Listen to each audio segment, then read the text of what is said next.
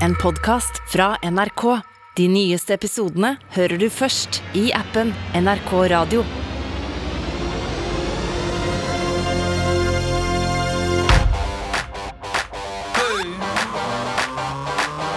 Popkorn over politikk med Sean Henrik Matheson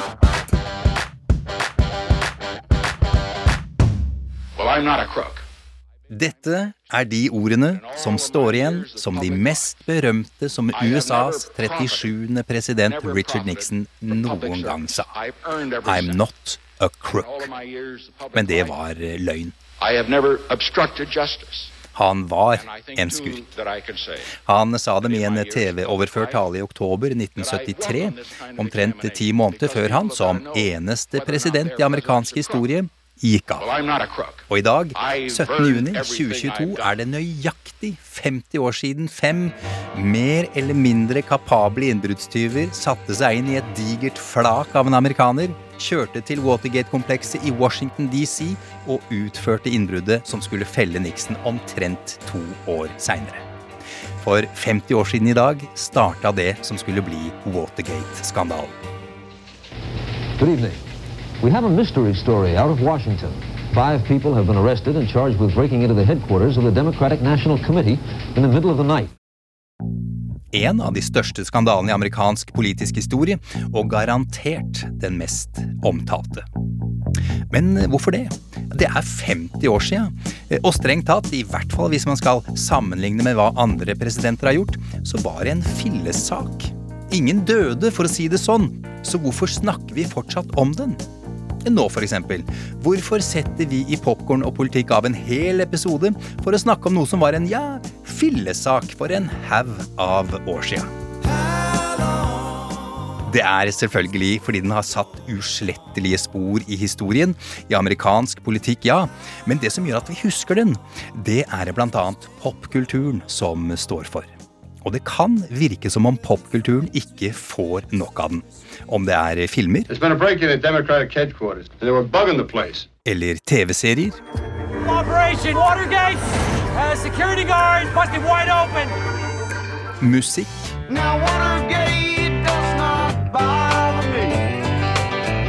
Eller komikere, We thought we'd update you on the ongoing Trump administration scandals that we've been calling Stupid Watergate. A scandal potentially on the scale of Watergate, but where everyone involved is dumb and terrible and bad at everything. I nesten like lang tid som det er siden innbruddet, har popkulturen på forskjellige måter dyrka Watergate-skandalen som underholdning.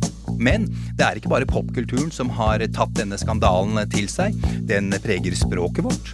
Ord og uttrykk som stammer fra denne hendelsen, har sklidd inn i dagligtalen, i hvert fall i den politiske dagligtalen. Follow the money. Dirty tricks. This was a dirty trick. These are dirty tricksters. This is a dirty trick, and I'll tell you what. Smoking gun. This is the ultimate smoking gun tape. Tre av utallige uttrykk som nå brukes når en politiker har urent mel i posen. Eh, Hvor mange ganger ble ikke disse begrepene brukt om f.eks. Donald Trump? This is something far worse than occurred in Watergate. We have both a criminal president of the United States in Donald Trump and a subversive president of the United States. You don't own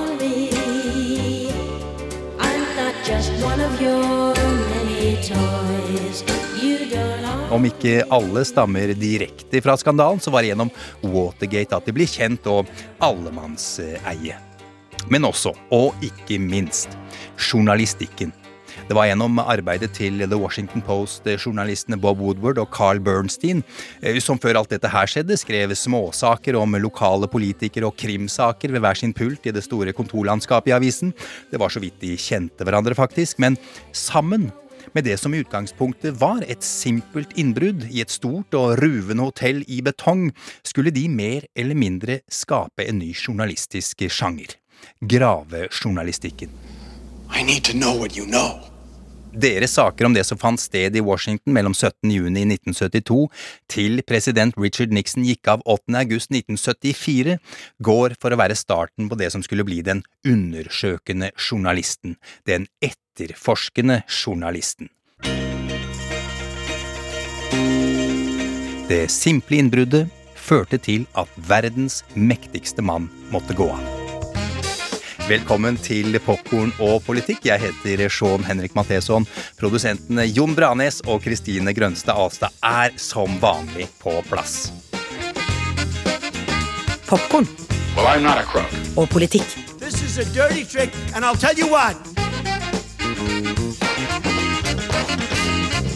Og også på plass eh, i dag er vår gode kollega her i NRK, Torkil Risan. Torkil, jeg er fantastisk glad for at du er her. Wow, gledelig å høre. Ja, ja, Tusen ja, selvfølgelig. Vær så god. Det er, det er hyggelig. Eh, og grunnen til at du er her, er jo selvfølgelig fordi du er vår popkulturelle mm, ekspert. Og vi har jo valgt å se på denne eh, skandalen da, gjennom ja, Eller aller mest dine, faktisk, eh, Torkil. Ikke våre, men dine popkulturelle briller. Eh, Det er det du jobber med. Du har jo vært anmelder her på bruket i, i mange år, eh, Torkil. Og jeg har lyst til å begynne med én eneste gang. eh, Ja. Fra et popkulturelt eh, ståsted, eh, Torkil. Hva tenker du på når jeg sier Watergate? Å herlighet. Første jeg tenker, Alle presidentens menn. Ja. Den her fantastiske filmen Ja. fra 1976. Robert Redford, Dustin Hoffman. Mm. Altså, Watergate er jo den originale skandalen. Altså, Gate. Alt heter jo noe med Gate. Sweden Gate, Ja. Sushi Gate, Monica Gate. Altså, Gate, Gate. Jeg tror folk, Mange tror sikkert at denne skandalen egentlig bare het Water. Ja, ja, ja, ja, ja, Men det skandale, så da ble det Watergate. Ikke sant? Det skal vi få korrigert. Jeg har laga en gate-quiz til deg, Sean. Det skal vi ta. Nei, men også Deep Throat, da. Altså den konspirasjonen som, som kom i kjølvannet da de her journalistene i Washington Post hadde en kilde som var på innsida. Hvem var Deep Throat? Åh, jeg elsker det. Ja. Det er noe ekstremt tiltalende med et sånn deilig mysterium av så stort format som hvem var varsleren som felte Nixon. Jeg ser for meg dokumenter bytte hender på parkbenker, kryptiske beskjeder til ivrige journalister, kappekledde menn med whisky innabords, alltid whisky, og en samvittighet som bare tvinger dem til å komme med sannheten. Det må fram! Eh, Og selvsagt parkeringshus, skritt, sigaretter som tennes. Sånn som her i filmen 'Alle presidentens menn', menn', hvor eh, Deep Throat eh, er i en eh, liten samtale og leverer noen legendariske eh, ord. Supposedly, he's got a lawyer with $25,000 in a brown paper bag. Follow the money. What do you mean? Where? Oh, I can't tell you that. But you could tell me that. Just follow the money. Follow the money! Ja, det er herlig. Det er veldig pent. Og ja. selvfølgelig også den derre journalistbragden som du også var inn på, Sean. Altså, hver gang jeg gjør noe, så kan folk bare si å ja, du snakka om Squid Game på radio. Ja. Det er ikke akkurat Watergate du ruller opp bort på kringkastingen der, Torkil. Ingenting kan måle seg mot Watergate. Nei, Så det kan ikke det, altså. bare get off my back. Get off my back. Men du, eh, Torkil, jeg lurer på, altså før eh, vi fortsetter, eh, jeg hadde blitt veldig overraska dersom alle som sitter og hører på nå, har full oversikt over eh, Watergate-skandalen. Det hadde ikke jeg heller. Superkjapp gjennomgang her nå. Det begynte altså med et innbrudd i 1972 i det som ja, kanskje har blitt det mest berømte hotellet i hele verden, til en viss grad i hvert fall, Watergate i Washington DC. Det var også kontorer i dette komplekset, og der hadde Det demokratiske partiet sine kontorer. Eh, Meninga med innbruddet var å ta bilder av dokumenter og papir og alt sånn, og så installere overvåkingsutstyr, selvfølgelig. Eh, De ble tatt på fersken. Eh, Det ble funnet eh, informasjon Om det ble tatt på fersken? det er så sykt, det skal vi komme tilbake til. Altså, skulle nesten tro at øh, begrepet 'tatt på fersken' også stammer fra Watergate. Man skulle nesten tro Fordi det! De har noen blitt tatt mer på fersken enn de ble? Nei, kanskje ikke. For et opplegg. Det var så mye surr. Det var ei suppe uten eh, like. Og det ble jo da selvfølgelig funnet eh, informasjon på disse innbruddstyvene som gjorde at FBI kunne da knytte dem til Det hvite hus rimelig raskt. Det skjedde bare et par timer etter eh, de ble ferska.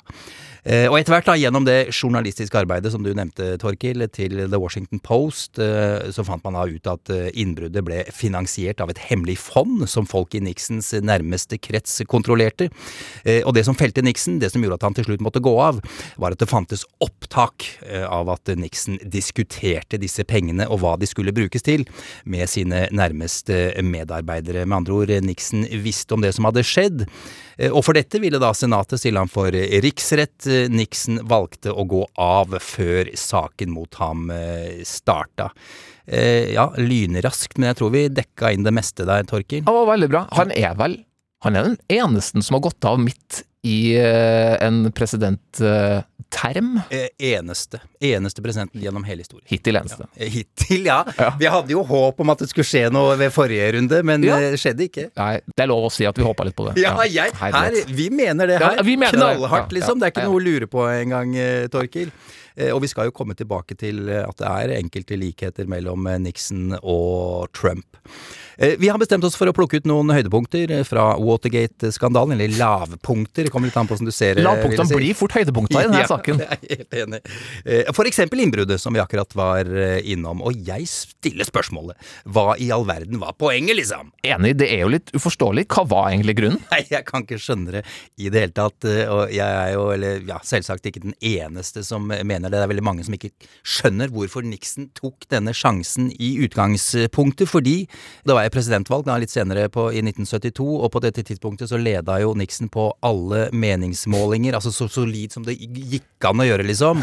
Og så vant han jo også valget i november i et valgskred USA nesten ikke hadde sett maken til. eh, Høyt oppe på listen over The Greatest eh, Wins. Eh, Tapte bare én eneste stat, fikk nesten 61 av folkets eh, stemmer. Og dette var etter at Watergate-skandalen hadde begynt å ta tak. Kan du tenke deg? Ja. Eh, Ikke for han personlig, da, selvfølgelig, men for folk i hans da eh, nærmeste krets. Han knuste sin demokratiske motstander eh, George McGovern. Eh, Som sagt, selv etter at eh, Watergate-skandalen ble kjent. Det var jo egentlig så, Det er det jeg mener. Altså, det er helt meningsløst at han skulle ta sjansen på dette her. Men det handler vel om at han var paranoid. paranoid. Og dette er jo bred enighet om, Torkil. Ja, det er jo det. Jeg har jo selvfølgelig sett filmen Nixon av eh, Oliver Stone. ja, men da må jeg da, Fordi han er jo kjent som en ørliten konspiratoriker sjæl. Ja, altså Ja. Han, han har jo laga veldig mye filmer eh, som toucher innom viktige ting i amerikansk historie, og tre filmer om presidenter. Han har laga W om George W. Bush, han har laga JFK, saken fortsetter, og Nixon da, fra 1995 med Anthony Hopkins som Nixon. Stemmer det. Men bare JFK, er ikke den kjent som en sånn klin kokos uh, tullefilm? Jeg har ikke jo, sett den, den nemlig! den- du har ikke Nei, sett jeg, har- jeg den? vet det! Ikke si det til noen! Ikke si det til noen, men jeg har ikke sett den. Herlighet! Jeg vet jeg vet Fantastisk film! Jeg vet ikke hva Den er helt skjedde. Ja. sinnssyk. Joe Pesci i den filmen der, bare hygg deg. Den må du se! Ja, jeg vet det. Altså, jeg tror jeg og mange med meg så på den som en slags sånn semidokumentar, og det, skulle, det, Ja, det, det må det du ikke mener. gjøre. Det må man ikke gjøre. Nei, det må Nei. du ikke Ja, gjøre. Okay. Nei, altså klart, Oliver Stone, han er jo, som du sier, han er jo kontroversiell. Han har jo en eh, sånn eh, underseksjon på Wikipedia-sida si som- hvor det står 'Holocaust Controversy'. Ok. Det er jo ikke bra. Uff. Så, så var det kanskje litt mer kontroversielt på 90-tallet enn det kanskje ville ha vært i dag. Fordi eh, amerikansk politikk i dag litt annerledes enn det var på 90-tallet. Men bare litt om den der filmen, da. Fordi uh, han, han ma- Nixon. Nixon, ja. Ja, ja. Han maler jo da Anthony Hopkins som Nixon med en person med veldig lav selvtillit. Mm. Han går liksom og sier at uh, folk ser på Kennedy og ser det de vil være. Så ser de meg, og så tenker de ah, det er dessverre sånn jeg er. Mm. Og han snakker om seg sjøl i tredje person, det vet vi, det er bad. Det skal du ikke gjøre. Må man ikke gjøre. De hater Nixon sin. Ja, de hater Nixon, men ikke vær så veldig opptatt av det. Ja, har veldig lav selvtillit. Rett og slett litt småparanoid. Ja. De vil ta meg, eller han sier, de vil ta Nixon. Eh, Altså, for han mente jo helt bestemt at pressen selvfølgelig var ute etter ham hele veien. Hmm. Andre politikere var ute etter ham. Og så mistenkte han igjen jødene for å, å stå bak diverse Ja. konspirasjoner. Staff. vi kommer tilbake til de teipene sikkert, som, Ja, som finnes fra det ovale rom. Han bruker ganske mye ord som ikke egner seg, eh, om, eh, om alle slags mennesker. Det er helt riktig, Torkil. Og vi skal komme til teipene, men det var ikke bare Watergate-skandalen som stressa han, som skulle bli kjent gjennom de teipene. Det var språket hans, Ja, og det han, han snakka ned jøder, svarte, homofile, kvinner. He, altså, han var helt grusom. Han tok alle dem han kunne ta. Ja. Også i filmen så, så er det veldig mye mamma og pappa-issues, som er et slags gjennomgangstema i Oliver Stones eh, Nixon. Men så er det det derre gåsehudparallellene til Donald Trump. I hvert fall eh, med dagens eh, briller på. For eksempel et klipp her, da, som er fra når eh, republikanerne må innse at Kennedy vinner valget i 1960. For der var jo Nixon mot Kennedy. Og de da eh, skjønner at nei, her, her, her går ikke veien. Hør på det. Og spesielt avslutninga. Veldig aktuelt i lys av de siste årenes begivenheter. Senator Kennedy's lead is about uh, 700,000. I think maybe that son of a bitch daily stuffed the ballot boxes himself. In Texas, you had the goddamn cattle voting. It was the closest race in history, Dick.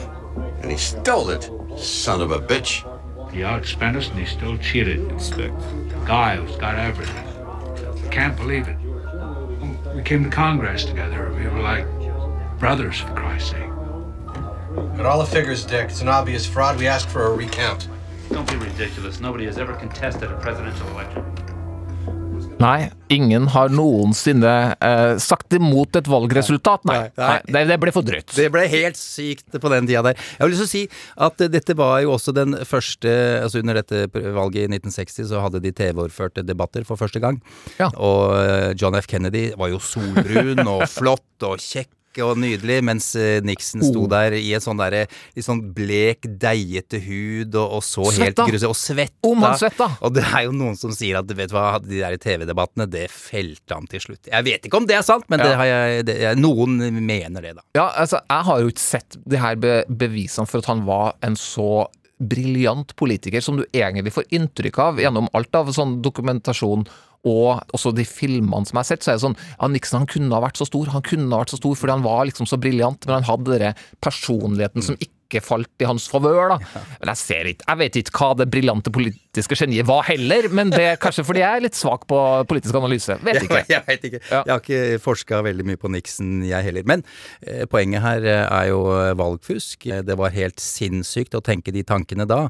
Eh, la oss eh, spole et år eller to tilbake, da. Høre, høre åssen det sto til da i USA. I just want to find 11,780 votes, which is one more that we have. And there's nothing wrong with saying that, that you've recalculated. Bedre. Det er fortsatt liksom litt sjokkerende å høre. Det er ikke et klipp som eldes med stil. Overhodet ikke. Nei. Her snakka jo da Trump med en minister i staten Georgia, eh, han som hadde ansvaret for valget der, etter at eh, valgresultatet viste at eh, demokratene vant den staten under presidentvalget, selvfølgelig i 2020, da. Ja, så um, Det er jo en veldig sånn åpenbar parallell mellom Nixon og Trump.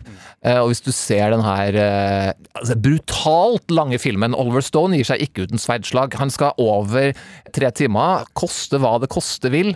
Ha med 40 minutter med ting som ikke trenger å være der, for det skal krype over tre timer. Da, Alltid, alltid, liksom. da er Oliver Stone fornøyd. Filmen er god, altså. Anthony Hopkins. Er jo alltid briljant. Trenger ikke å si noe på det. Og eh, resten av castet også, veldig bra. Men det er det her litt sånn uhyggelige parallellene til nåtidas politikk. Eh, Et annet et også.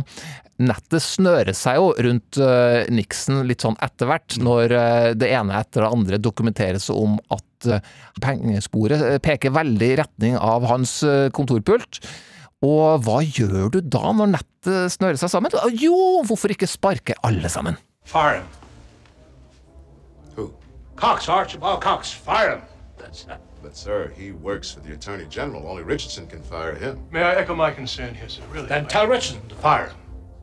Well, Richardson won't do that, sir. He'll resign. Uh, hell, he will fire him too. If you have to go all the way down to the janitor of the Justice Department, fire that son of a bitch. He's asked for it.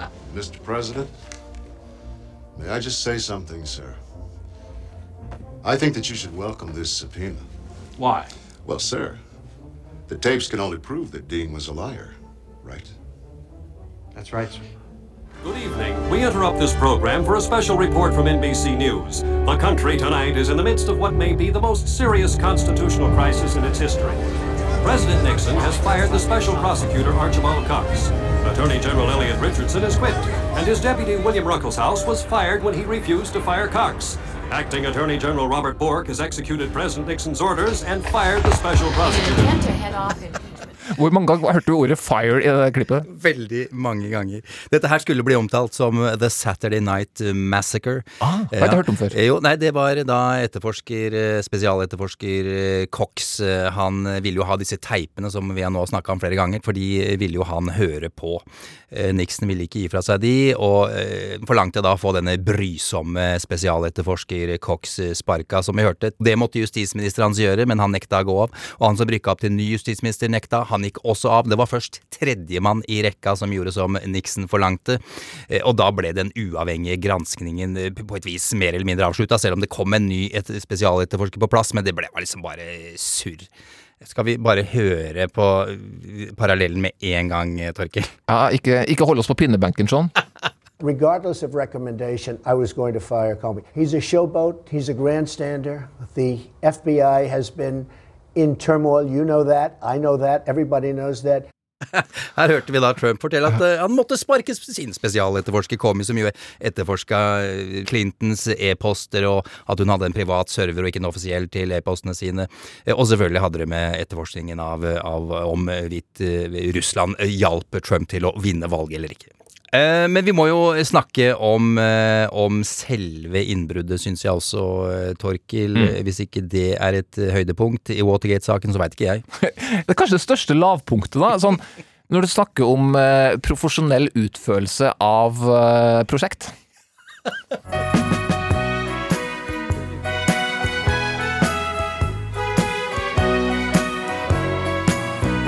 Popkorn og politikk. Maybe maybe you're lying, maybe you have lost your mind. Maybe only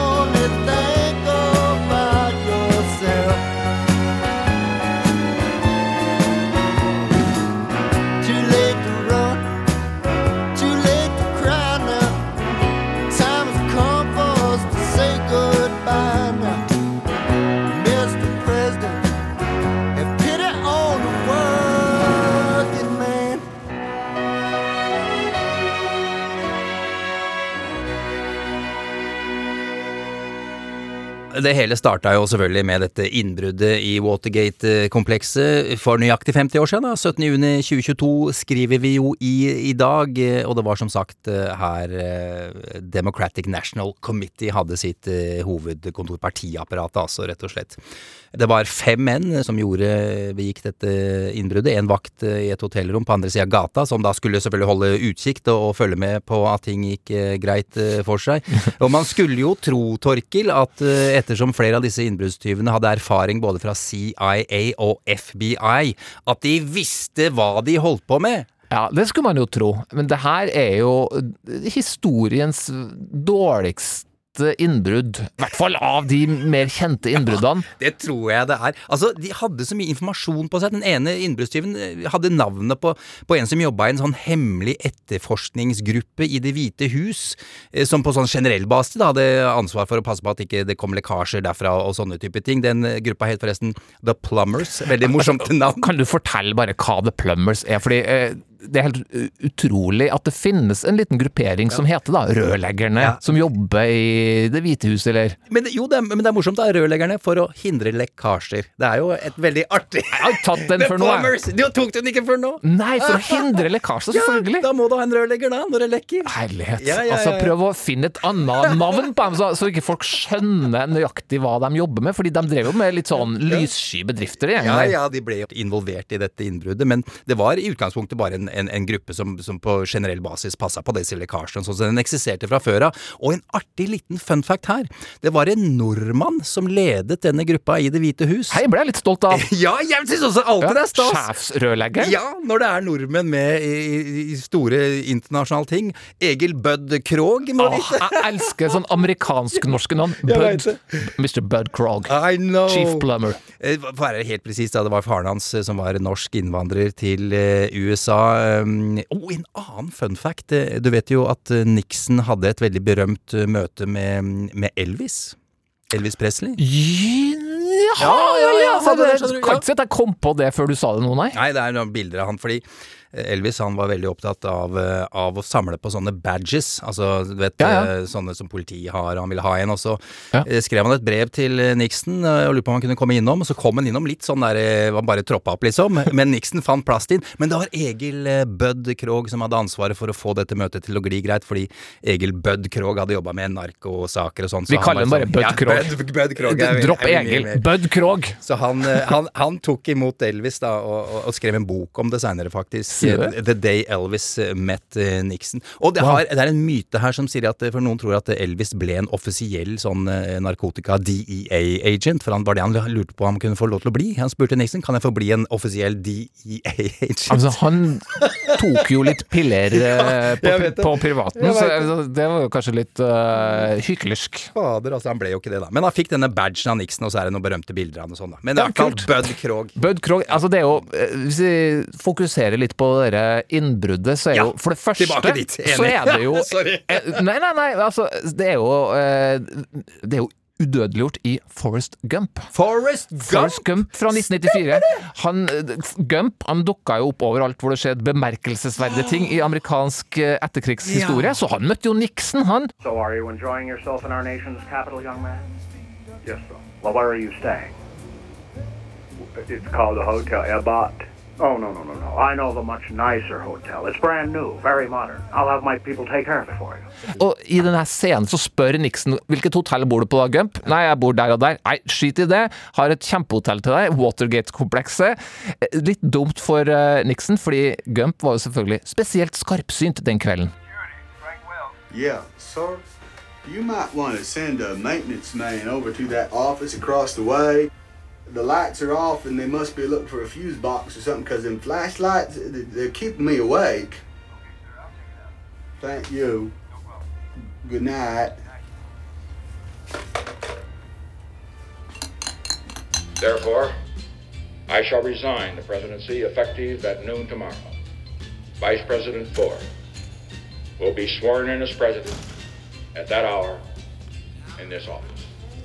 Ah, det var Forest Gump Ja. som avslørte det! Selvfølgelig. Jeg skal ikke gå helt god for uh, at det er en dokumentarisk eh, korrekt fremstilling av hvordan det skjedde. Men ja, jeg, det sånn jeg husker Watergate også. Altså, jeg, jeg har sånne bruddstykker, eh, fragmentarisk uh, puslespill, hvordan Watergate er for meg. Og Forrest Gump, ja. sånn som jeg hadde så var han en viktig del av Watergate. Men det er jo selvfølgelig ikke riktig. Men vi hører jo at han ringer Frank Wills der. Som er den ekte vekteren Faktisk. som klarte å avsløre eh, innbruddet. Helt riktig. Jeg hadde helt glemt at, at Forest Gump eh, var så Han var dette. Der Det var nydelig. Han var, han var overalt. Han var der det skjedde. Altså, det var jo så mange tabber som, eh, som felt det her innbruddstyvene og det her, eh, laget. De tre største tabbene Mm. Ja, veldig gjerne. kan vi jo ta. Ja. Nummer tre. Bemanninga. Et menneske, et vesen. G. Gordon Liddy. Helt sinnssykt sprø person. Crazy person. G. Gordon Liddy han hadde ansvaret for å planlegge og gjennomføre hele dette innbruddet. Han var advokat. Tidligere legendarisk FBI-topp. Ja. Var en av FBIs grunnlegger J. Edgar Hoovers eh, aller eh, nærmeste medarbeider. Kjent for å være en løs kanon. Veldig løs kanon! Og Bokstavelig talt, Torkil! Ja, ja. For han fyrte av et skudd en gang han sto i rettssaken, rett i taket, bare for å eh, lage et poeng ut av det, liksom. Ja, han er spik spenna gæren. Eh, Og allerede i Alle presidentens menn, denne filmen fra 1976 med Robert Redford og Dustin Hoffman, så hører vi da den der mystiske kilden Deep Throat fortelle om gangen han var på fest med Liddy. I was at a party once, and uh, lady put his hand over a candle, and he kept it there. He kept it right in the flame until his flash was burned. Somebody said, "What's the trick?" And lady said, "The trick is not minding." Er bare å holde hånda over lyset The til kjøttet not- begynner å brenne. The trick is not minding, var det det han sa? Ja, not minding. Altså, han var en eh, litt for ivrig person å ha på den, det prosjektet. Og det var ikke småtteri han hadde lyst til å gjennomføre når han planla dette her. Et av disse punktene hans eh, innebar jo f.eks. Å, å kidnappe radikale, altså radikale i hermetegn, demokratiske ledere og sende dem til Mexico. og, se- og sendte dem inn i interneringsleirer. Ja, ja, ja. Et annet punkt var å lure da igjen høytstående demokrater med på fancy cruise rundt omkring, og så, Ja. og så få en haug av prostituerte inn på båten, og så filme dem mens de hadde seg, liksom. Ja, ikke sant. Det var så, sånne ting han foreslo, og så ble det jo litt mer Det ble nedjustert litt, da. Hva slags greier de gikk for? Jo, de gikk for det her innbruddet. Og i en helt fersk TV-serie som heter Gaslit, med Sean Penn og Julia Roberts, som blant annet ligger på Viaplay nå. Ja, det er, Jeg er veldig glad for at du For den visste ikke jeg om engang. Hvorfor, hvorfor har vi ikke hørt om den, da? Nei, det ble kanskje ikke så mye blest rundt den. Det er en bunnsolid serie som, som tar en litt annen blikk på Watergate-skandalen. Forteller historien til noen av de her sidefigurene. Ikke Nixon i det hele tatt, men alle rundt, egentlig. Apparatet rundt. Og den er kliss ny. Den kom jo bare tidligere i, i år, og jeg har begynt å se på den. Jeg syns den er kjempefin. Ja, og der får du da altså fantastiske skuespilleren Shay Wiggum spiller G. Gordon Liddy. Jeg har tatt med et klipp av det også, hvor eh, det som er litt artig her, er at de to eh, FBI-etterforskerne som, som går liksom og tenker sånn det her Ligger de fem skritt foran oss, eh, det her eh, innbruddstyvene, eller er de rett og slett helt idiot? Og når, når det her klippet, så hører du da bokstavelig talt G. Gordon Liddy brenne alle de plansjene over de sinnssyke planene han hadde lyst til å gjennomføre med interneringsleir osv. Mens FBI-etterforskerne sitter på andre sida av døra og snakker litt om hva slags kompetanse de her innbruddstyvene egentlig hadde. I remember back at Metro, we were saying how this has to be a professional operation, that these guys gotta be five steps ahead of us. Yeah. What if we're wrong? What if they're just morons?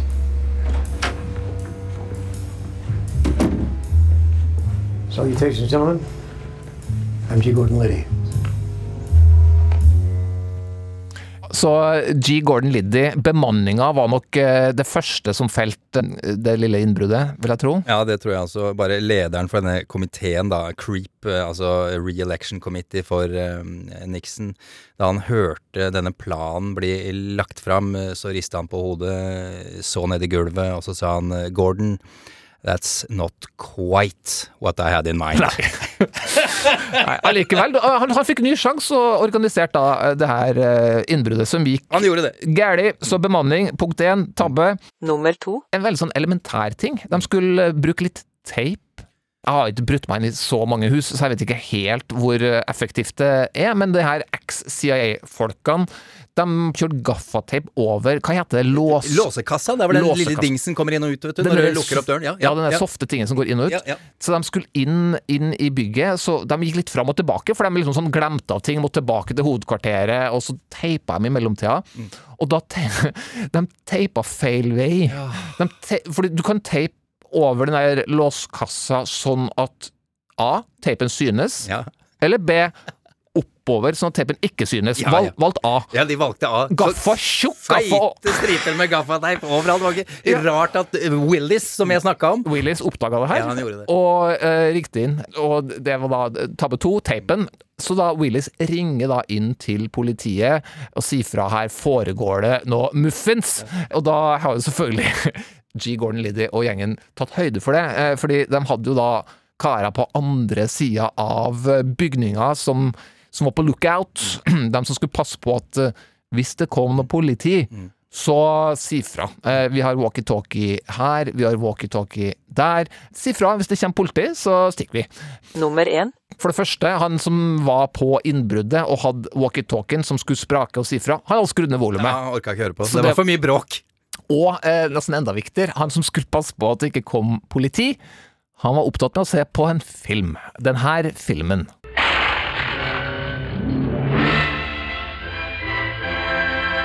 John Agar is the nice looking young man, introduced by John Hoyt to pretty June Kenny.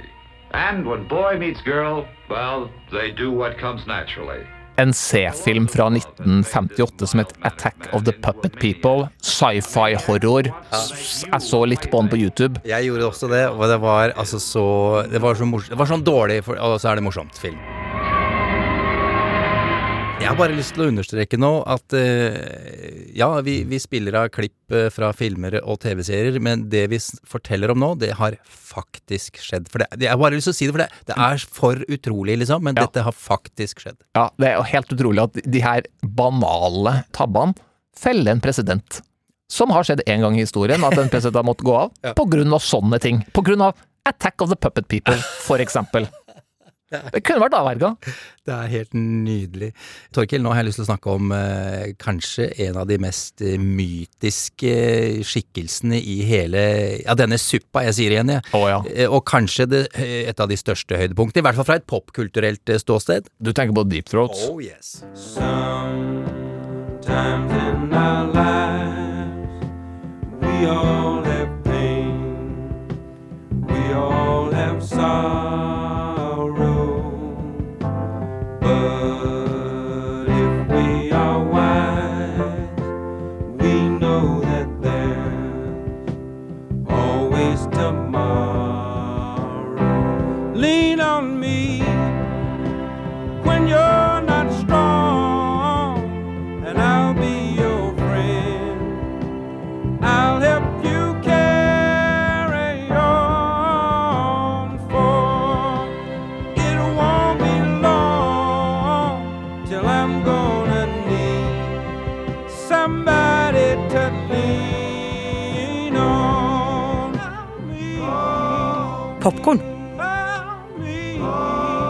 Politikk.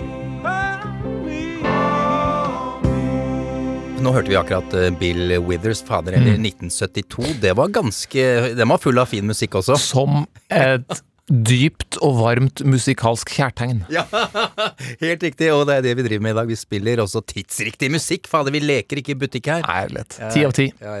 Men eh, altså, igjen eh, fra et popkulturelt eh, ståsted, Torkil. Deep Throat. Mm. Et høydepunkt. Ja, absolutt. Jeg vet jeg vokser opp litt med det derre konspirasjonen, den mytiske skikkelsen Mm. eh, Deep Throat, da, som lurer der i skyggene eh, av filmen Alle presidentens menn. Mm. Han som spiller For det er jo Robert Redford og Dustin Hoffman vi kjenner som Woodward og Bernstein, de her gravejournalistene i Washington Post fra filmen.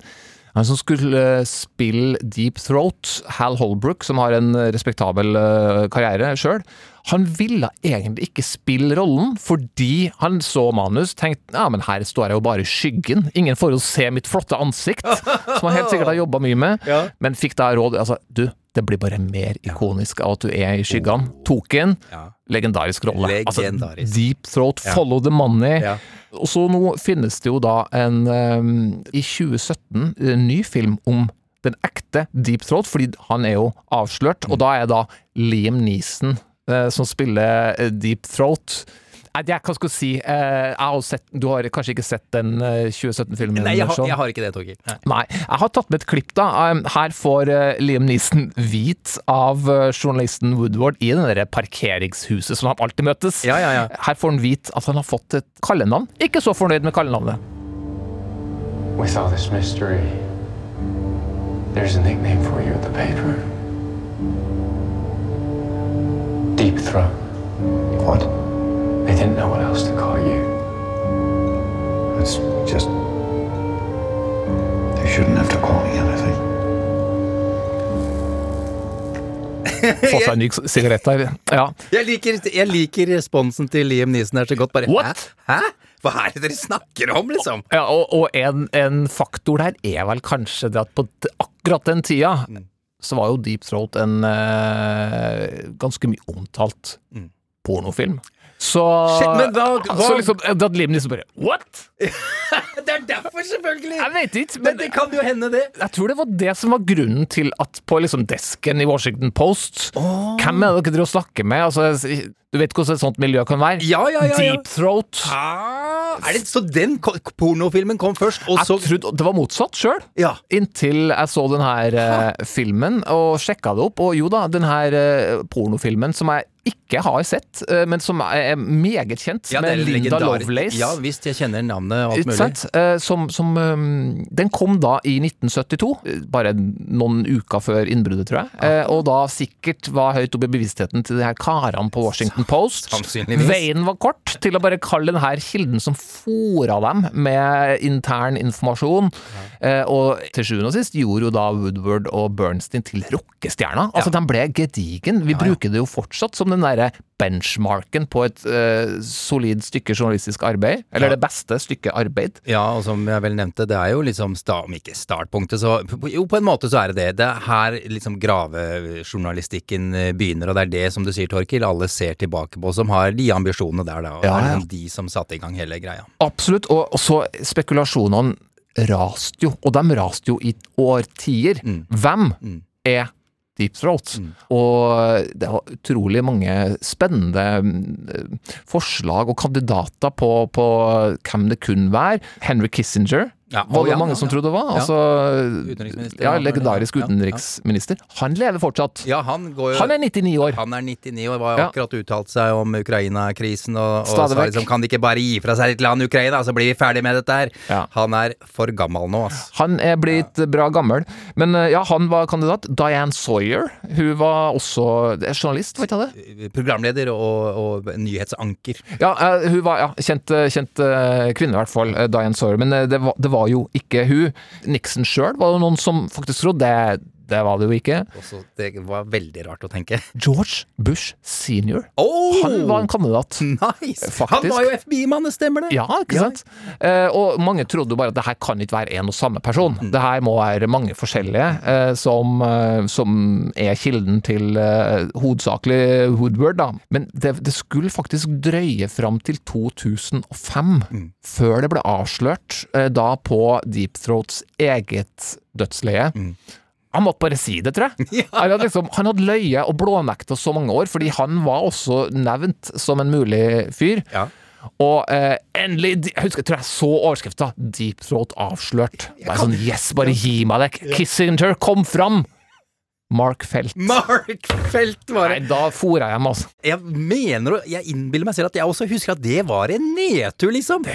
Men, for vi hadde ikke hørt noe særlig om han, men han blir nevnt på disse teipene. Ja, han er et ja, navn ja. som verserer under hele greia her. Altså Nixon Tapes eh, Ja, blir nevnt der. Eh, Han er nevnt. det litt rart at det er en nedtur også, for han var jo tross alt veldig høyt oppe i systemet i FBI. Mm. Han var assistant director, og han hadde vel strengt tatt ansvaret for Om ikke ansvaret, så alt som handla om eh, Watergate-etterforskningen, gikk gjennom han. Så han var jo åpenbart eh, Ja, han var jo deep throat. Han var, han var def, altså han, For en fyr, han var jo deep throat. Det var mange som hadde mistanker til han også, men det var sikkert ikke sånn mistanker som, som nådde meg, fordi jeg, jeg hadde ikke hørt om ham. Han var ikke et navn, ikke sant?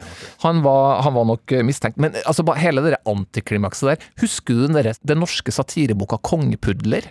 Skrevet av Anonym. Det var Medie-Norge var ekstremt opptatt av dere kongepudler, fordi hvem er det som vet så mye om kongefamilien og de interne mekanismene i norsk politikk?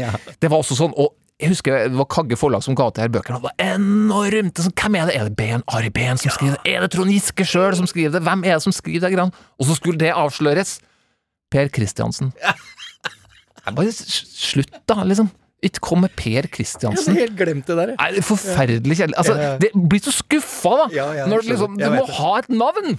Så Mark Felt han var, han var litt uh, skuffende. Men ja, avdelingsdirektør i FBI. Eh, mange tror at uh, han gjorde det her fordi han var blitt forbigått da det skulle komme en ny FBI-sjef da Hoover døde. Så var Mark Felt liksom alle trodde i hvert fall den filmen jeg har sett som handla om Mark Felt, da hvor Liam Neeson spiller Mark Felt. Ja. Der, der trodde vi at Mark Felt skulle bli ny FBI-sjef. Ja, ok. Og du skal, ikke, du skal ikke undervurdere en forbigått ansatt. Nei, over, du må passe på. Dem har vi sett mange av, og dem skal du vokte deg vel for. Han var veldig lojal mot eh, FBI, tok ikke mot ordra fra Det hvite hus. Den her Mark Felt, eh, nok et klipp her hvor Liam Neeson er steinhard når den her John Dean fra Det hvite hus ringer og sier ta så kom ut og finn, eh, finn ut den der mystiske kilden til oss. Hilsen Det hvite hus. Nei, ikke på Liam Neesons vakt. Mr. Dean, The White House is concerned about these press leaks. of course. We think the source must be someone in the FBI. We want you to do something about it, Mr. Felt. Okay. Now. Fine. But I don't understand. Which part? The part about you calling me. The White House has no authority over the FBI. We can. At all, Mr. Dean. But we can suggest. I'm afraid the White House has nothing to suggest to the FBI.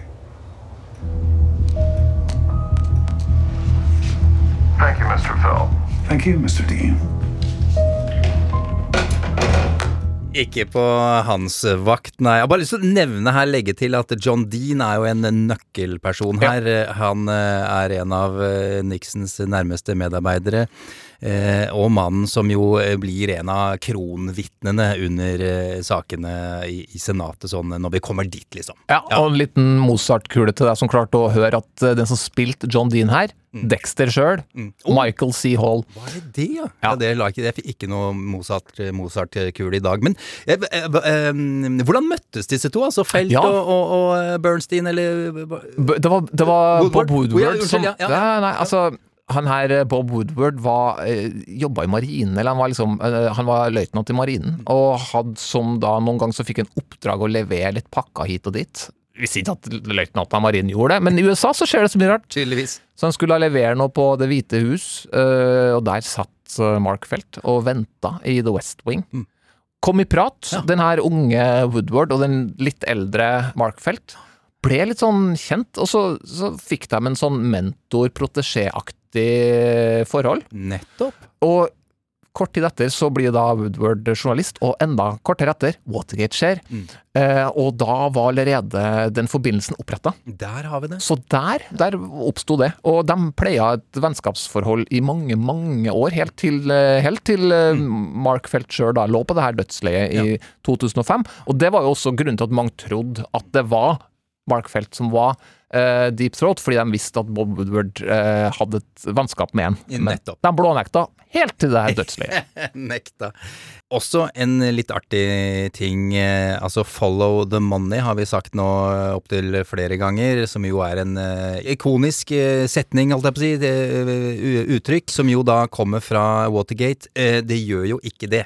Han sa det aldri, Deep Throat, selv om det er i filmer og alt mulig sånn. Det var manusforfatterne av Alle presidentens menn som, som skrev det inn. Det er ingen som husker hvem som kom på det engang, så det er, bare, det er jo i fiksjonen det, det oppsto. Altså det syns jeg er litt morsomt. Ja, det er morsomt, for, men da er jo poenget at selv om det stammer fra filmen, så er jo det allikevel sånn kjempesterkt knytta til Watergate. Nettopp av at denne filmen hvor Follow the Money først dukka opp, eh, ble sagt. Og for, meg, for veldig mange så er jo Watergate det, det, Du har jo lært å Du har jo det meste fra film og popkulturen, Ja, blant annet den filmen. Og Follow the Money, det handler jo da om pengesporet, eller The Money Trail, som det blir kalt på, på engelsk, hadde jeg nær sagt.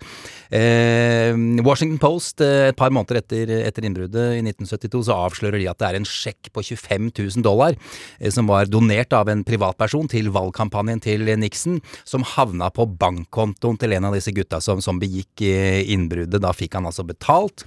Eh, og noen uker etterpå så meldte Washington Post også at det fantes et egentlig hemmelig fond som ble brukt til å finansiere hele denne her eh, affæren. Til sammen så det brukt, ble det brukt omtrent en halv million dollar på å planlegge, kjøpe inn utstyr, betale tyvene, og når de ble tatt så fikk de masse utgifter der også. De måtte betale for advokatene. ja. Folk fikk penger for å ikke si noe, osv., og så videre. Og alle disse pengene kom da fra private donasjoner, fra folk som trodde de støtta uh, Nixon. Uh, de ble altså stjålet, og ble da for på forskjellige måter bare overført til eh, dette hemmelige fondet. The Money Trail, pengesporet, som jo til slutt var med på å felle Nixon. Og som har sikkert eh, gitt mange andre journalister i ettertid veien til priser, Scoop-priser og store journalistpriser. Følg pengene. Følg peng- pengene. Det er det vi sier alltid. Ja, følg pengene, og da får du skurken.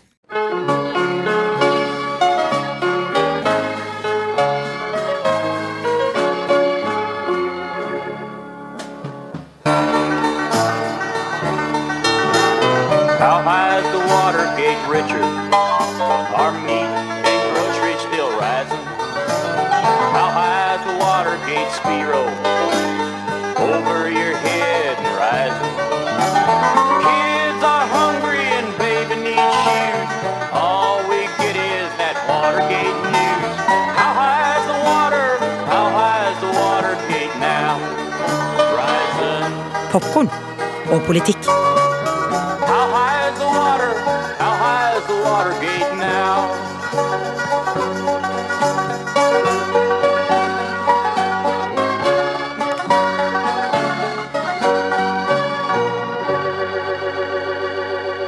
Mer tidsriktig musikk der. How High Is The Watergate? Martha. Da var det David Alan Cole som sang. eh, Martha. Artig det også, for så vidt. Eh, Det er jo kona til eh, det som var justisministeren eh, John Mitchell, Martha Mitchell, som jo har en ganske fremtredende rolle i denne TV-serien Gaslit. eh, Ja. Der er jo okay. Martha Mitchell spilt av eh, Julia Roberts, og ektemannen eh, John Mitchell er da eh, ugjenkjennelig, men spilt av Sean Penn. Mm. Den her John Mitchell som var justisminister, måtte gå av, var kampanjesjefen Mm. Han- til Nixon, og fikk en gjenvalgt, egentlig. Ja visst, søren det. Det var, han som faktisk også da eh, styrte dette hemmelige fondet, ja. som de jo brukte for å finansiere hele greia. Flinke folk, Julia Roberts og Sean Penn. Ja, det er, de, som sagt, jeg har begynt å se på serien. eh, Den er eh, kjempe, kjempekul. Ja, vi fant kilden, Torkil. Deep Throat, eh, Mark Felt, eh, pengesporet Follow the Money, alt det der. Eh, Det var da pengene som til slutt eh, felte Nixon. Eh, Men i løpet av alt dette vi har snakka om nå, selvfølgelig, så har jo da Kongressen for lengst blitt eh, veldig interessert i, i denne saken. Eh, Nå er det mye informasjon ute og går om at her er det noe som ikke stemmer. Ugler i mosen, som vi liker å si. Kongressen ville finne ut av hva som hadde skjedd, og så opprettet de en komité som skulle etterforske. Litt sånn som den komiteen som jobber nå for å finne ut av hva som egentlig skjedde 6.1.2021, den som går på TV nå. Men tilbake til Nixon. Komiteen, som de gjør, intervjuer en haug av folk. En dag så var turen kommet til en assistent i Det hvite hus. Han måtte jo da selvfølgelig svare på masse forskjellige spørsmål. Har du sett noe rart, lagt merke til noe spesielt, osv., osv. Og så er det en representant som plutselig spør ham sånn, bare sånn i tilfelle, liksom. Er, er det, kan det kanskje finnes noe opptak av det som har skjedd i det ovale kontoret, eller kanskje andre steder også? Eh, Assistenten eh, drar litt på det, vil ikke svare, men etter hvert når nervene tar den, og han skjønner at det er alvor, liksom, og han begynner å svette, så forteller han at det faktisk fins et helt nytt og moderne opptakssystem i Det hvite hus, som er stemmestyrt. Så moderne var det, Torkil. Wow. Opptakene begynner med en gang noen begynner å prate, og dermed er katta ute av sekken. Komiteen tror ikke sine egne ører. Kan det være mulig? Ja, fantastisk Det er da. fantastisk, og det er mulig! Og The Nixon Tapes er et eh, faktum. Mm. Og i de her eh, teipene så er det jo åpenbart at det finnes kompromitterende materiale. Opplagt. Det er jo på den tida her hvor Nixon er på sitt mest Han svetter en del, mm. og han er ganske hard på flaska. Hvert fall, altså, jeg baserer på filmen av Oliver Stone. Nixon. Dokumentarfilmen av Oliver Stone. Ikke sant? Eh, eh, og da er det også da en ganske sånn tydelig scene hvor han har prøvd å dodge, han har sparka den kunden, han har gjort alt han kunne for å sno seg unna det han skjønner kommer. Og så kommer den som akkurat på det tidspunktet er eh, stabssjefen hans, general Haig, med enda flere dårlige nyheter. I'm afraid we have another problem, Mr. President. Excuse me, gentlemen.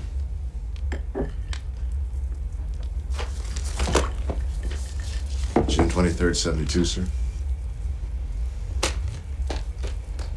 Your instructions to Haldeman regarding the CIA and the FBI. So? Your lawyers feel that it's the smoking gun. Can we get around this, Al? It's the Supreme Court, sir. You, you don't get around it. Nei, han nekta jo lenge å utlevere eh, disse teipene, men det havna i Høyesterett, eh, og der var det enstemmig. Eh, Det var ikke noe tvil. Du er nødt til å utlevere disse teipene.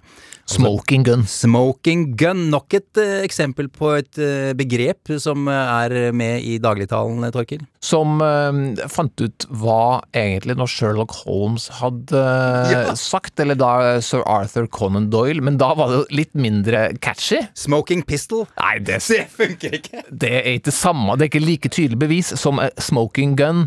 Ikke det helt tatt. Som det her lydopptaket. Så jo, han måtte jo da levere alle lydopptakene til den her dommeren Ja, helt riktig. Eh, Det var han som eh, fikk dem utlevert eh, til slutt.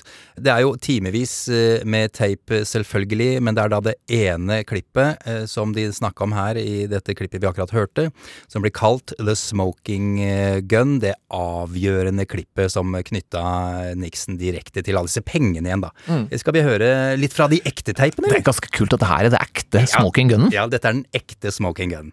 And that'll fit rather well because FBI agents who are at this point feel that's what it is. Well, they haven't, they're traced to a name, but they haven't got to the guy yet. You know, like I said, he gave 25000 in Minnesota. And uh, the check went directly and said, litt vanskelig å høre dette her, Torkel. Jeg burde advart om det på forhånd, men de la kanskje merke til 25 000 dollars og alt mulig. Så det er eh, her, her Det er bare her eh, Nå glapp det. Ja, ikke sant? 100 Det for Richard Nixon. Ja, ja. beviset for at han hadde kjennskap til de her eh, pengene. Og da, da var det jo gjort. Det var jo også mye mer kompromitterende materiale, sikkert, fra det ovale rommet. Men da de skulle overlevere alle lydopptakene til den her dommeren Sirika, så, så var det to opptak som var helt bort, søkk vekk. Og ett opptak som hadde en veldig rar summing, som dessverre ødela all den kompromitterende praten som Nixon gjorde. Bortforklaringa for hvorfor det var noen sånne rare klikkelyder akkurat der. Det var en av de mest eh, bemerkelsesverdige bortforklaringene, fordi det var, det var sekretæren som hadde vært litt uheldig med pedalen på et tidspunkt, i 18,5 minutt på rad. 18 var hun uheldig i 18-tall. Ja, vi må høre det lille klippet, også det her fra denne TV-serien eh, Gaslit. The White House's only explanation was that the president's personal secretary, Rosemary Wood, might have accidentally hit the wrong button in the foot pedal while reaching for the telephone. So I'm transcribing the tape, and then I reach for the phone, and my foot presses down on the pedal that erases the tape. Det er helt umulig at det der kunne ha skjedd sånn som hun Det er ikke forklarer. mulig, fordi det, du, hun må ut i en sånn slags spagat. Altså Det er sånn som at jeg skulle stått her, på en måte, Ja. og så liksom er knappen langt der borte. Du må kjøre en sånn slags Nike-logo-positur i 18,5 minutter på rad for å få gjort det som denne sekretæren eh, forklarer. Åh, men at de i det hele tatt forsøkte seg på den forklaringen, er helt nydelig, syns jeg. Ja, ja, ja, hvorfor ikke prøve alt, liksom? Kan, hva som helst som kan få oss unna eh, de verste straffene. Vel, eh, da var det altså over og ut eh, for eh, Nixon. Han går av den 8. august eh, 1974. Et par dager i forveien så hadde han møtt med noen topp republikanere.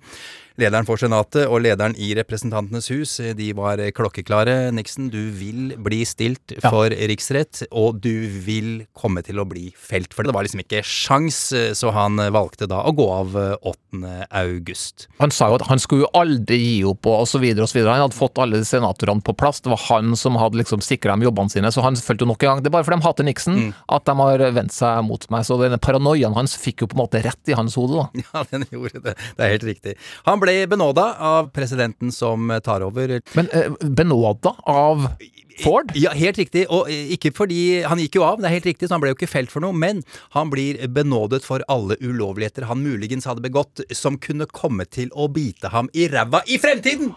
Oi, Ja, så ja, det er en sånn sånn forhåndsbenådning. Du har spilt Monopol og får sånn arrestanten løslates? Ja, det er en sånn en, ja. Det er en sånn en. Det helt har ikke riktig. Trump også holdt på med noe sånt? Det kan jo godt hende. Var, Han har sikkert prøvd å skaffe seg noe arrestanten løslates. Ja, han har bare hiver det ut der. Det har skjedd. det har skjedd, det er helt riktig. Ja. Liten fun fact om Gerald eh, Ford, eh, Torkil. Eh, Eneste presidenten som ikke har blitt valgt, men satt inn, både som Ja. visepresident og, og president. Han satt jo som leder i Representantenes hus, men så måtte en til Nixon gå av fordi han var en kjeltring. Ja, han var Agnew var en kjeltring. Pussig nok Spiro Agnew, Ja. kjeltring. Gikk eh, opp til visepresident, og så gikk jo da Nixon av, som vi akkurat har snakka om, og så rykka han jaggu opp til å bli mm, president. Det er helt utrolig på grunn av det som egentlig er en liten sak, eller? Ja, det er fordi det har, det har vi sagt nå flere ganger. Kan kanskje noen reagere litt grann på det? At Ja. vi kaller Det er jo Watergate! de-! Det er Watergate, Det liksom! høres så stort ut. Og vi kaller da dette her eh, den, en av de største skandalene i amerikansk historie for en fillesak. Hvor, hva skal, hvordan kan vi backe opp det, egentlig? Med tanke på at det er Watergate vi snakker om. Ja, nei, men altså Anthony Hopkins sier i Nixon-filmen for eksempel Altså, jeg kan bombe hva jeg vil. Det kan jeg gjøre. Mm. Ja. Jeg har lov å bombe hva som helst, jeg. Men det her, Ja. det er ikke greit. Det er ikke greit. Og det er jo sant nok, det, men, men satt, satt i den store sammenhengen, så skulle en jo tro at amerikanske presidenter har gjort verre ting. Mm. Ja, men det det- skal, betyr jo ikke at det er greit å gjøre det, men jeg tror det har blitt eh, begått verre forbrytelser Ja. Enn det her. Det er bare eh, kjapt var under eh, arbeidet mitt her, så, så fant jeg fram til Noam Chomsky, amerikansk eh, Ja, du hadde Noam Chomsky bare liggende i skuffa, du. Hadde, hadde, den hadde liggende bare på pulten, som han jo har. Ja. Eh, han mener eh, at eh, altså dersom alle presidenter etter andre verdenskrig skulle bli utsatt for en, ja, en Nürnberg-prosess, slik nazistene ble etter andre verdenskrig, så ville samtlige amerikanske presidenter bli hengt. Ja. Bare tenk på George Bush den yngre, som jo starta krigen i Irak på, på, bare på løgn og bedrag, det også. Mm. Så dette er på mange måter en fillesak. Og igjen det der med at det er så, var så forbanna unødvendig. Jeg, det, han hadde ikke trengt å gjøre det. Ja, jeg er enig, og i denne TV-serien Gaslit, som da ligger på Viaplay, så, så er det en scene som fanger litt den derre essensen, litt det moralske dilemmaet i hele prosessen rundt Nixon. Nixon. De kommer fra litt forskjellige ståsted, de to etterforskerne, og har en ganske fin samtale her, eh, syns jeg, rundt det moralske i det å etterforske presidenten, og hvilke omkostninger det kan ha for tilliten til her presidentembetet i samfunnet osv. Vi kan høre litt på det. Do that to an American president just to score political points? Wait, what? There's no evidence the president ordered the break-in. There's no fucking evidence. So we're just gonna forget that he obstructed justice? Does that not count for anything? He's a perfect. I didn't vote for him twice because he's perfect. You voted for Nixon after you knew about Watergate? I'm a law and order guy. Anyway, you impeach him now, and you start destroying what little trust the American people have in their government, and that, that's a slippery slope. What is it with this slippery slope shit? What do you mean? People like you always say that, like you got nothing else to say. It's a slippery slope. Yeah, everything's a slippery slope. Oh, honey, don't take that aspirin. You don't know what might happen. It's a slippery slope. Welfare for the poor, we can't do that. That's a slippery slope. You want to police the government? That's a fucking slippery shit slope if I've ever seen one. Let's not do that. You know what? As a matter of fact, let's not fucking do anything. You okay, buddy? Just because certain actions we take in some imaginary future might theoretically lead to disastrous outcomes somewhere down the line shouldn't stop us from doing what's objectively morally right in the present. Of course, the idea of any kind of objective morality. It's a slippery slope. I, I didn't say it. Fuck you. I didn't say Fuck it. Fuck you. Slippery slopes. Slippery slopes! Ja. Og det kan jo eh, Vi kan jo tenke litt på, på de siste åra i USA også. Åh gud, det der med å stjele valget, kan vi ikke bare glemme det og komme oss videre? Vi orker ikke mer. Og dette her med stormingen av Capitol, åh gud, kan vi ikke bare glemme det? Og, og bare komme oss videre. Jeg slipper i slope og drive og se på det der. Slippery slope, og det er jo Viser seg jo at mange amerikanere har den holdningen. At Ja, det er jo ganske sjukt. Orker ikke mer av de greiene her. La oss bare glemme det og komme oss videre. Men det er klart, da lærer du jo ingenting. Mm. Det, det er the slippery slope, det, tenker jeg. Ja, det er å glemme det, ja. ja. Strolling in the park, watching winter turn to spring.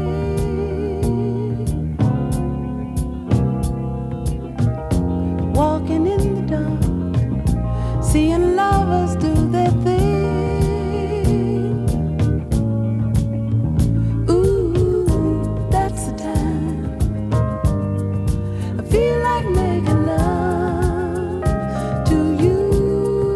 Popkorn og politikk.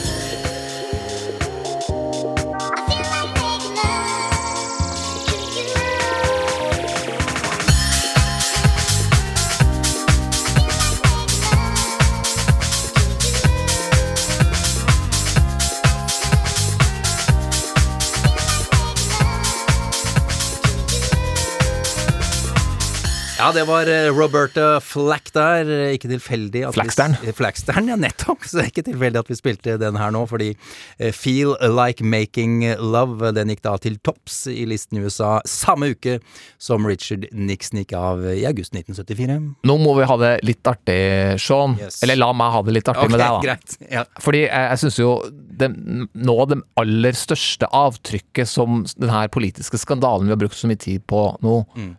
Har etterlatt seg, er jo det her bruken av gate. Gate! Jeg er helt enig med deg. Alt er en gate. Alt er en gate. Alt eh, som kan minne om en eh, slags skandale, blir kasta gate på, og så har du ordet som har en viss sånn catchiness med seg. Så da har jeg tenkt å på mest uhøytidelig vis quize deg litt. Å, gud, jeg har- I okay. Gates. Ja, okay. Ikke Bill Gates. Nei.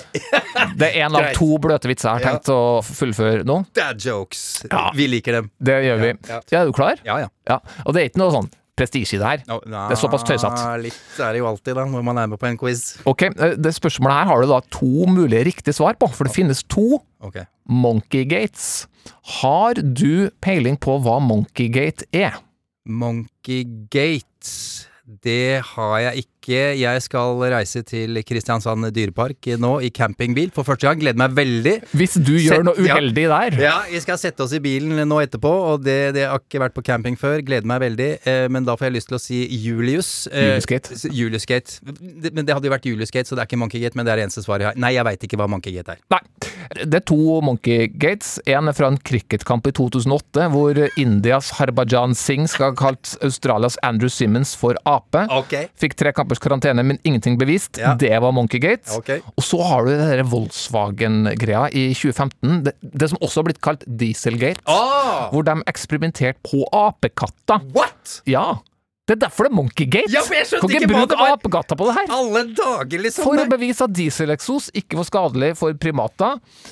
Monkeygate. Nei, men Eller Dieselgate. Kjære vene, den har jeg ikke hørt om engang. Men da fikk Altså, jeg har hørt om Dieselgate, trodde jeg, men ikke Monkeygate. Nei.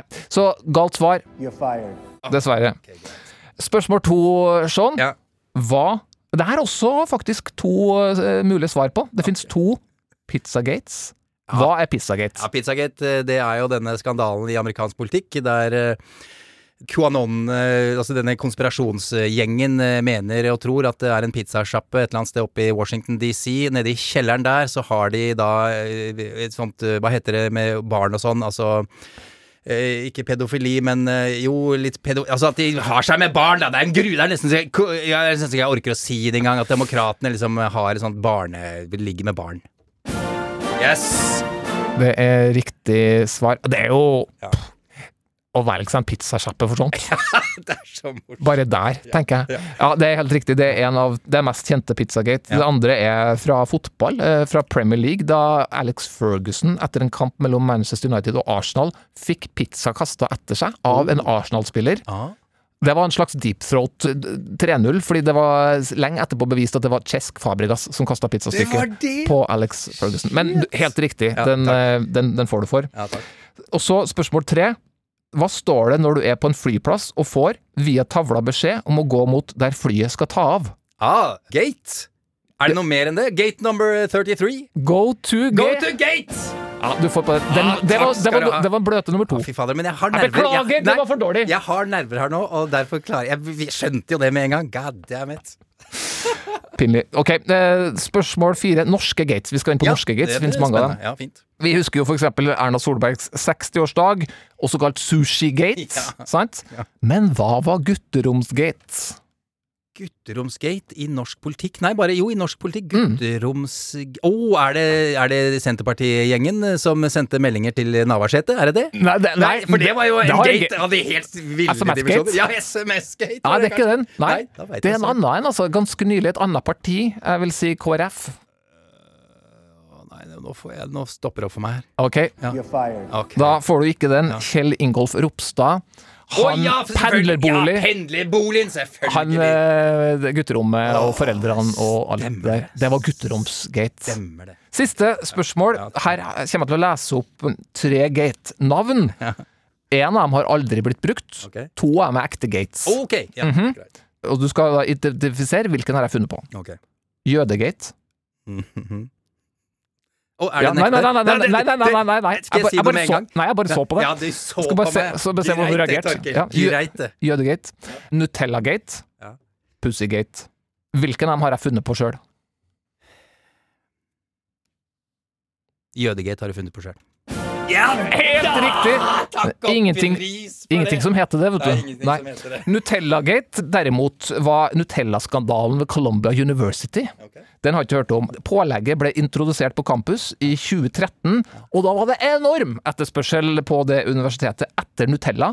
Kosta universitetet 5000 dollar i uka, som er sjukt mye penger. Ja. Nutellagate, da det ble avdekka av framtidig Pulitzer-prisvinnende studentjournalist Cecilia Reyes, også selvfølgelig for Washington Post, bare for å få sirkelen slutta her. Ja. Så hun avdekka det her. 50 kilo Nutella om dagen gikk det med, da de fikk tilgang på det sjokoladepålegget.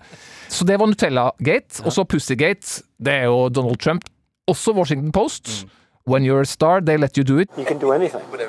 Grab them by the pussy.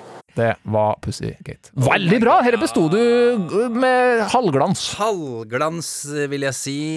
Og gud, eh, håper du som eh, hørte på kanskje var litt hvassere enn meg. Men eh, fader, det var litt det var morsomt det, Torkil. Å gud, nå er jeg litt glad jeg er ferdig med det, faktisk.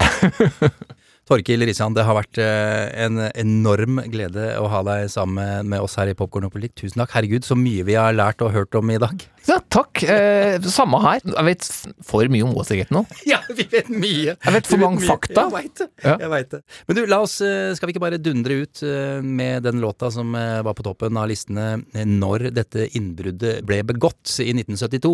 Ja, Som er litt spesielt, siden artisten var etter hvert nær venn med presidenten sjøl. Som er, var litt sånn rart vennskap, kanskje. Ja, han fikk vel kritikk for det. Vi snakker om uh, Sammy Davis jr., denne fantastiske artisten. Ja, Han var på et tidspunkt uh, knallhard demokrat, og ble da, uh, det ble snudd pga. kontroverser med Robert Kennedy. Mm. Eh, Vi skal spille hans eneste nummer én-hit, faktisk. En låt han uh, visstnok hata sjæl, men Ja. uh, fikk å beskjed om være sånn. Ja, av og til så er det sånn. Men du, kompis, denne her må du bare synge, så kom igjen, liksom. Og så sang han da og spilte inn The Candyman, og den gikk til topps.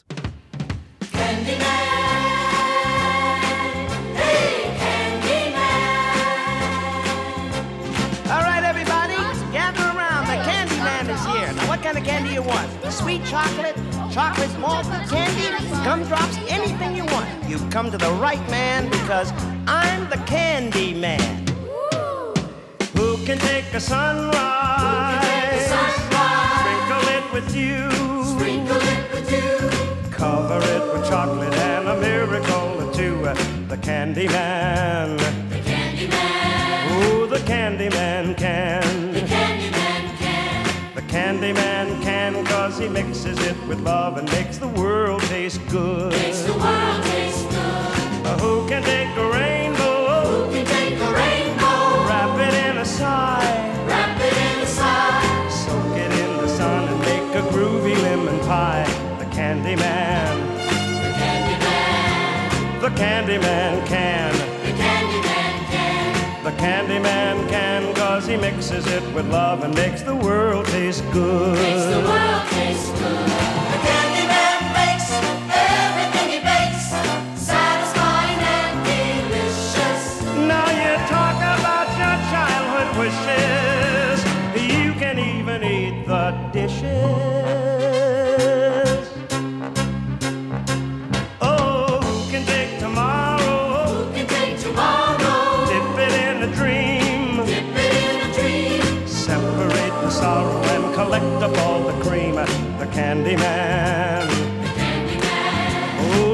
The candy man can.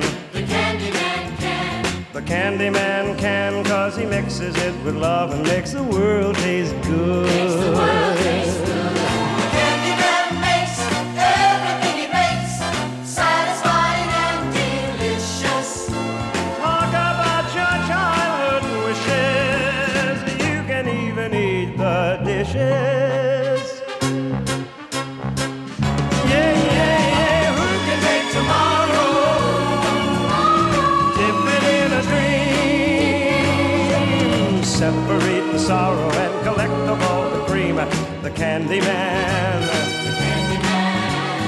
Man. The candy man can. The candy man can. The candy can cause he mixes it with love and makes the world taste good. Makes the world taste good. Yes, the candy man can cause he mixes it with love and makes the world taste good. Makes the world taste good.